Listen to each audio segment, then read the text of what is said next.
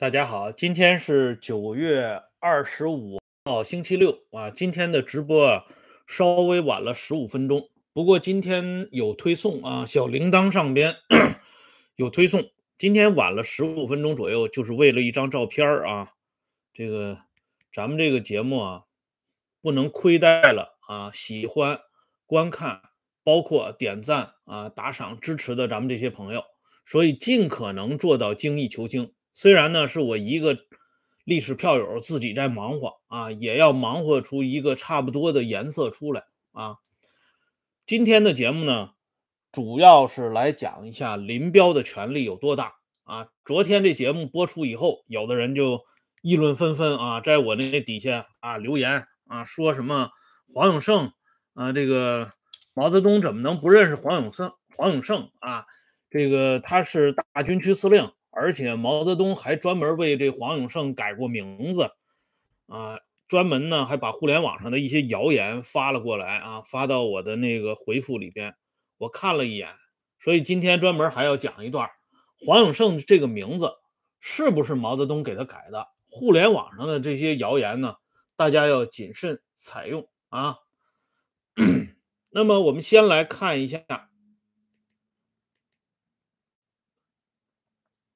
林彪的权力有多大啊？这林彪啊，在大家印象当中一直是病病歪歪的啊，而且呢，这个人似乎啊，有点这个远离人世间的这些凡尘中事啊，似乎呢是一个 这个高高挂起的这么一个人物啊。其实呢，不是这样的，林彪的权力一直都很大啊，大到什么程度呢？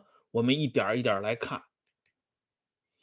这个多年前呢。自己写过一本书啊，小册子叫《晚年林彪》啊。这书呢，现在这个实体书已经卖光了，只有电子版。这本书呢，当年写的很匆忙，二零零五年开始动笔写，到二零零六年啊年底收稿，零七年公开出版啊。但是里边有些观点，到今天来讲呢，我认为还是站得住脚的啊。当然了。这个站得住脚呢，还需要时间啊，来继续的观察。所以有感兴趣的朋友啊，可以跟我联系，购买这本书的电子版，算是给咱们这个节目呢做一个小小的广告啊。因为我们这次讲这个林彪系列，就跟这林彪晚年是直接关系的啊。好了，说正题儿，就为了这张照片。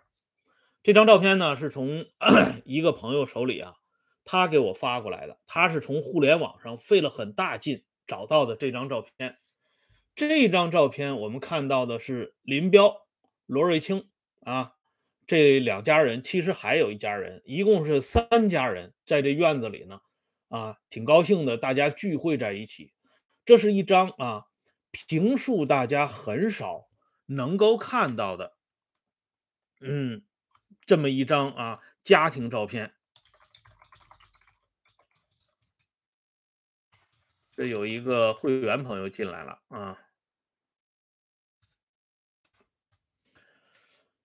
而且这张照片大家这个看一下啊，林彪的这个装束，你能看出来，这也是林彪少有的这么一个镜头。林彪这个人啊，大家知道吗？别的先不说啊。林彪这个人特别讲究军容风纪，啊，这是一个甚至有些看上去有些矮板的人。这就是为什么啊，一开始叶群经这个朱德介绍给林彪的时候，呃，叶群不是特别满意啊，觉得林彪这个人太古板了，古板到特别生硬的地步。林彪的内勤李根生说过啊，林彪的穿衣戴帽那是自有一套。啊，绝不会随波逐流，而且林彪这个人他是军人出身，他从黄埔时代人家就是一个标准的军人了。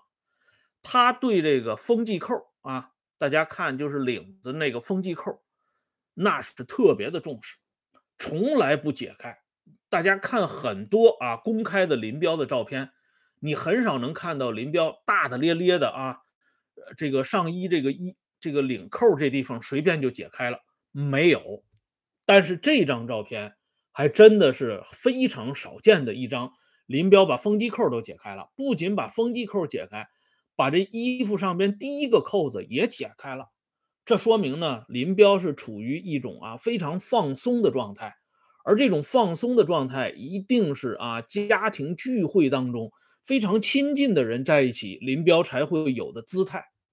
所以这张照片，大家可以看看林彪一家和罗瑞卿一家当时是一个什么样的关系。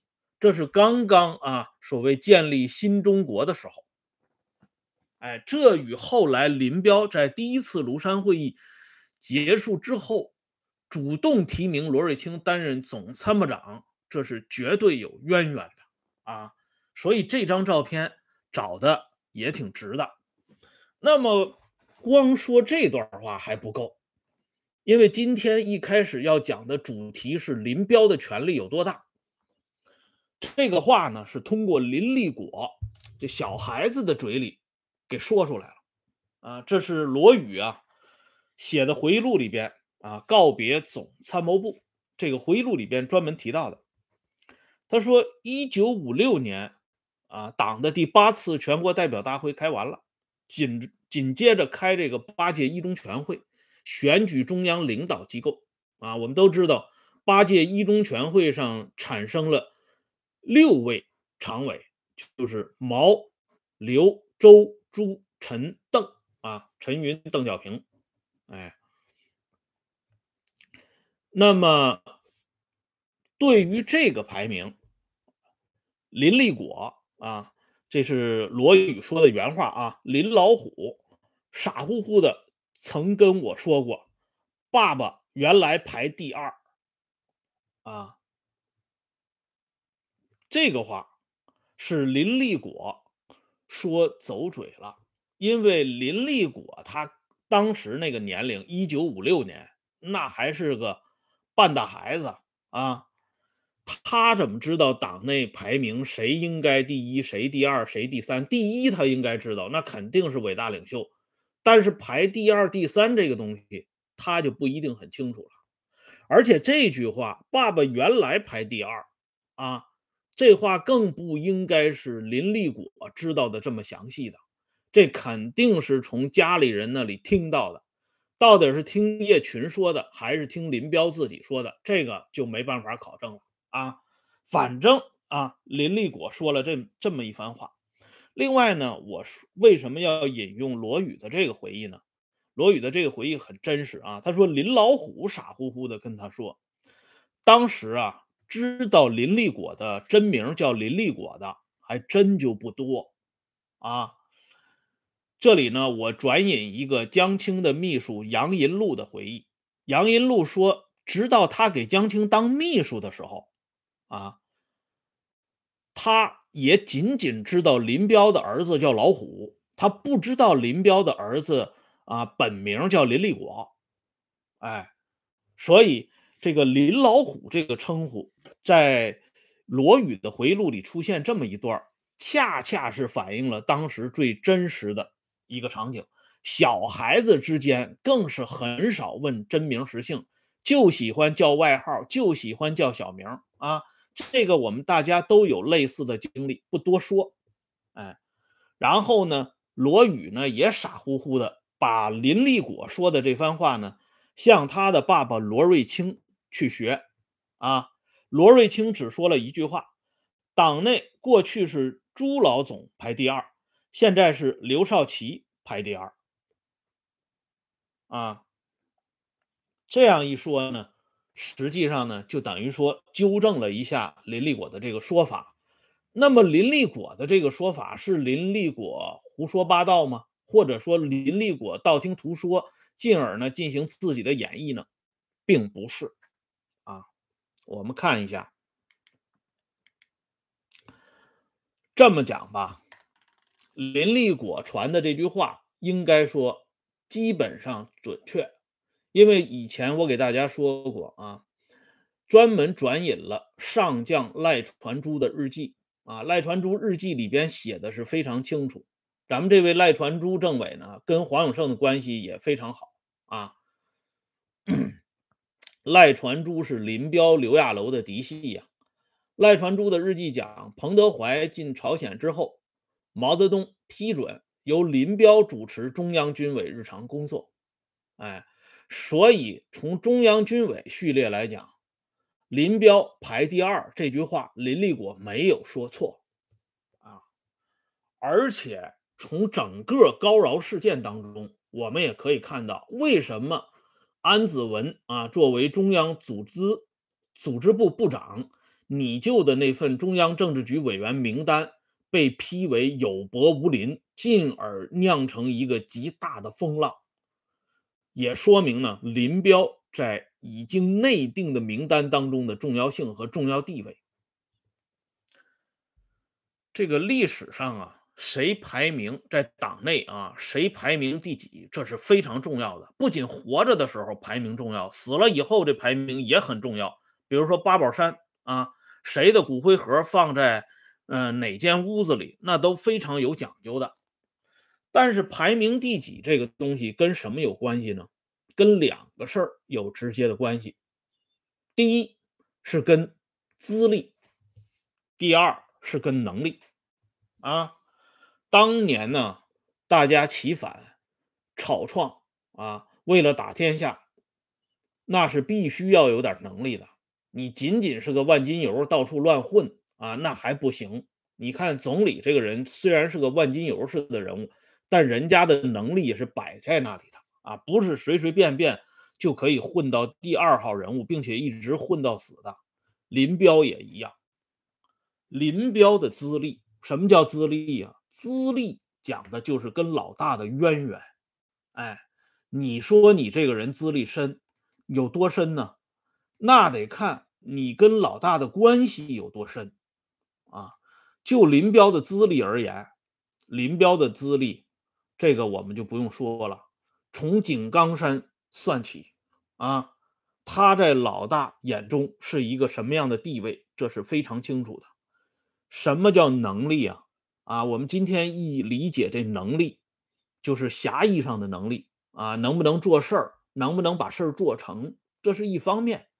在那种年代下啊，特别是在党内的那种大背景下，能力指的就是贡献。这个贡献具体到什么程度呢？就是你给老大帮多大的忙啊，你让老大身上披多少道光环啊，你让老大在党和人民心目当中占多重要的地位。哎，这个呢，用老百姓的话讲，就是你给老大长多大的脸。哎，那林彪咱们就不用说了啊，林彪给老大长脸的地方太多了啊。这个内战咱们就不提，因为中国人打中国人嘛，也没什么值得提的。咱们就说外战，平型关这一场战役啊，就打出了共产党的威风出来。虽然呢，打的是板垣师团的这个辎重部队啊，后勤部队，可是毕竟是跟日军当中精锐的精锐啊。板垣师团叫板，而且这是红军改号叫国民革命军出山以来的第一场公开的战役啊！这林彪、聂荣臻手下的这些啊，穿着普通、装备一般的这些战士，可以说是百战之余啊，也是精锐啊！那是从长征一路啊摸爬滚打过来的老战士，毛泽东心疼啊！要不怎么在平型关战役之后，毛泽东就提出来关于对日作战的一个总体方针呢？哎，这些宝贝是经不起拼的啊，经不起拼的啊，一个换一个，毛不干的。哎，但是不管怎么说，林彪打的平型关战役，在全国啊，全民族这个阵营当中，真的是啊。亮出了自己的旗号，这红军不是白给的，不是游而不击呀！哎，所以这给老大长脸的地方，这就是啊，这就是林彪的能力。那后边长脸的就更多了。毛泽东啊，自己都承认自己在大跃进整个这过程中啊，犯了多大的错误，而且呢，给国家经济带来了多大的灾难。啊，虽然呢，他的这种所谓的批评与自我批评，完全是蜻蜓点水啊，而且这个话也只能他自己说，哪怕是江青都不能这么说。可是人家林彪呢，没有像彭真他们这些人啊，赶紧找块石头往井里扔，没有，人家相反呢，从井里往外捞石头啊，捞完石头干嘛呢？砸别人呢？谁怀疑？毛泽东思想啊，谁办错了事儿，你自己找原因啊，肯定是你没有很好的理解毛泽东思想，没有很好的按照主席的意志去办，所以我们工作当中才出现了这样的纰漏、这样的错误，乃至这样巨大的错误。这个话一说出来啊，该醒的不该醒的都醒了啊，老大。还是老大，没有任何改变啊！林彪在关键时刻，在毛泽东威望低垂的时候，又一次上演了一场平型关战役啊！这个战役呢，聚歼的不再是板垣师团，而是党内党外一切怀疑红旗能打多久的声音。为什么老大那么高兴，那么兴高采烈？啊，在这篇讲话稿上批了那么多的字，那不是没来由的。林彪的权力有多大？用咱们今天互联网上的话讲，那是点赞的权利啊，第一点赞的权利啊，那不是随随便便都可以给老大点赞的啊。喊万万岁的那是千千万人，但是。把喊万万岁转化为那种深入到心灵上的、说到心坎上的那种点赞，那只有咱们的林副统帅。所以人家的权力有多大，就看人家点多大的赞啊！自古以来从无例外。哎，千穿万穿，马屁不穿，就是这句话啊。所以呢，我们再看这个人物。恩来同志，那也是这个路子的，人家不过是啊，在小组会上悄悄的点赞，所以林彪、周恩来成为毛泽东发动第一次无产阶级文化大革命的左右手啊，江青只不过是先锋，哎，而他们正是由于立下了这么大的汗马功劳，所以老大允许他们站在老大的身边啊。立了大功了，那当然要这个在老大的身边了。可是，在老大身边久了，离老大越来越近，那就像林峰说的啊，离主席越近，暴露的越快啊，越充分。所以这哥俩呢，他的结局大家也就看到了啊。而林彪的结局呢，尤其的惨啊。因为你像周恩来，昨天我们介绍了他死前呢多么痛苦，但是这痛苦呢也就周恩来一个人扛啊，邓颖超只不过是跟着这个操心，跟着惦记啊。邓颖超本身这并不完全啊痛苦，这刘少奇呢啊下场也很惨，可是刘少奇这子女 还都是好好的，后来呢都是高官得坐啊，骏马得骑，这就不用解释了。唯独林彪这一家三口啊，这是啊，暴尸荒野，到今天也没有个正式的说法啊。这个我说的没有正式的说法，是指针对民间的这些啊，给林彪喊冤叫屈的这种啊不同声音，没有可能正正常的回应啊。而且官方一直到今天也沿袭当年两岸的这个结论。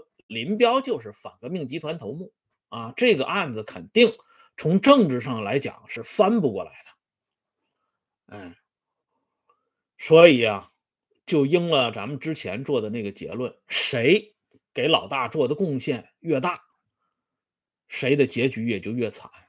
虽然呢，他活着的时候非常风光啊，没有哪一个人像林彪这样啊写进党章去，没有了。这应该是空前的，是不是绝后？这个我们不知道啊，因为时间没走到那一步，不好轻易下结论但即便是空前，那也不得了了。朱德怎么样啊？刘少奇怎么样？周恩来又怎么样？都没有写到党章去，只有林彪写进去。林彪写进去，恰恰也就证明了林彪的地位、林彪的贡献以及林彪的权利。那么这个权力有多大？在一个长期主持中央军事委员会日常工作的人来讲，那莫过于提名权。决定权肯定没有你的，决定权只有一个人啊，居家千口，主事一人，只能老大来拍板，别人哪有权利拍板呢？连刘少奇、杨尚昆啊，在这个收发文件上出现纰漏，那老大都要专门对他们两个人进行批评，而且批评的文字已经见诸于《毛泽东选集》第五卷，大家可以去查查一下啊，哎。所以，那林彪有提名权，那已经是一人之下，万万人之上了。哎，就像后来的那个口号喊的那样：“人民军队是由伟大领袖啊亲手缔造，林副主席啊直接指挥，这直接指挥就很了不得了啊。”那么。刚才啊，直播间又有两个网友提了，说这个，昨昨天讲这个黄永胜这个人啊，说这个老大不认识他啊，是这怎么可能啊？总参谋长啊，这么重要的人物，原来另外这个黄永胜原来还担任过这个广州军区司令员啊，这八大军区啊，就这么几个司令员、政治委员，老大能不认识吗？所以我说呀，咱们有的朋友啊，在看节目的时候要认真一点啊。人家杨成武回忆的原话，毛泽东讲的原话是：黄永胜这个人啊，我不了解。什么叫了解呀？了解是知根知底儿，对这个人的方方面面非常清楚，这个叫了解。然后毛。泽东呢？认识人说是好像都不认识，有的人说这是能是真的吗？哎，你还真别说，我以前给大家说过吧，这个欧阳毅的回忆录讲过吧？欧阳毅当年啊，跟毛泽东手拉手啊一起脱险，某种意义上讲，欧阳毅还救过毛泽东，这是在红军时代啊。后来，欧阳毅长期担任五军团政治保卫局局长，这几个军团的政治保卫局局长的职务和地位跟军团长是平级的，那都是受红一方面军总政委毛泽东直接管辖的。哎，你说毛泽东不认识欧阳毅吗？那非常清楚啊。可是到了天安门的时候，毛泽东叫欧阳毅的名字叫不出来了。结果旁边李志民赶紧提个醒，说这是欧阳毅同志。毛泽东非常抱歉地说了一句：“永远不能忘记，永远不能忘记。”伟大领袖连说两句：“永远不能忘记。”这是欧阳毅回忆录里的东西，我给大家已经说过一次，今天再重复一遍。哎，问题就在于这里。而且昨天有人提了，说黄永胜的名字就是伟大领袖给改的。只是呢，我来告诉你们。那不过是互联网上有人刻意瞎编的，连黄永胜的原名都编错了啊！我给大家看一个真实的历史的出处，咱说的这些东西啊，都是有公开出版物作为出处的。为什么呢？因为大家可以去核实、去查对，看看温相是不是自说自话、瞎编的啊！互联网上那些东西你是找不到出处的，看一下。这是董宝纯啊，原来解放军出版社的负责人董宝纯先生写的啊，黄永胜的人生轨迹这么一个小册子，刊载于中国青年出版社出版的《知情者说》第三集之八这一卷里边啊，你们可以去找一下这本书，在这本书当中，董宝纯。根据他所收集的历史资料，告诉我们，黄永胜的名字原名叫黄旭全啊，不是刚才有人在网上打的什么黄旭钱儿啊，而且还绘声绘色的讲说伟大领袖毛泽东见到黄永胜的时候说你怎么还起个名叫什么钱呢？革命不能为了发财，你还是叫永胜吧，永远胜利。这仿佛他就跟这个毛泽东、黄永胜这哥俩站一起一样啊，说的简直比林老虎还邪乎啊！林老虎好歹是林彪的儿子，咱们这哥们儿他不知道是怎么跟这个毛泽东和黄永胜攀上亲的啊！既然能攀上亲，难道连黄永胜的原名都记不住吗？黄永胜原名黄旭全，你们即便是不看这个黄永胜这本书啊，你去搜一下百度百科，百度上写的就是黄永胜原名黄旭全啊，维基百科写错了。啊，至于什么毛泽东给黄永胜改名叫黄永胜，那更是瞎编。黄永胜的名字是自己改的，改名的时间是一九二七年春天。黄永胜当时参加国民革命军第二方面军总指挥部警卫团招兵的时候，他对招兵处的人亲口讲的。啊。至于谁考证出来的，我已经给了出处，董宝纯先生啊。你们有什么疑问，可以找原创作者去理论啊。我只不过是转述董先生的这个论述啊。那么从这个董宝纯的这个回忆当中啊，他 回忆去了。从董宝纯的这个论述当中，我们就可以看到啊，这黄永胜改名。跟毛泽东一点关系都没有！而且黄永胜呢，他在整个抗日战争时期，他是在晋察冀这边啊，因为那时候林彪受枪伤，送到这个苏联去治病，所以他跟黄永胜在抗日战争时期没有直接的交接啊。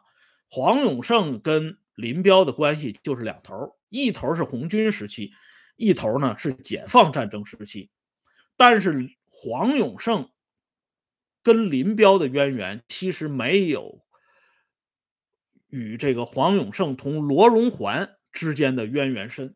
换句话说，谁发现了黄永胜，不是别人，就是罗荣桓啊。罗荣桓发现了黄永胜，并且在罗荣桓的推荐下，黄永胜入党提干啊，当了班长。而且黄永胜在当班长时时期，因为打人啊，动手打底下的战士，啊，还被罗荣桓专门给教育了一番。当然，人家这个教育呢，是为了让这黄永胜呢，啊，学的更这个，啊，更好一些啊，更像一名革命军人。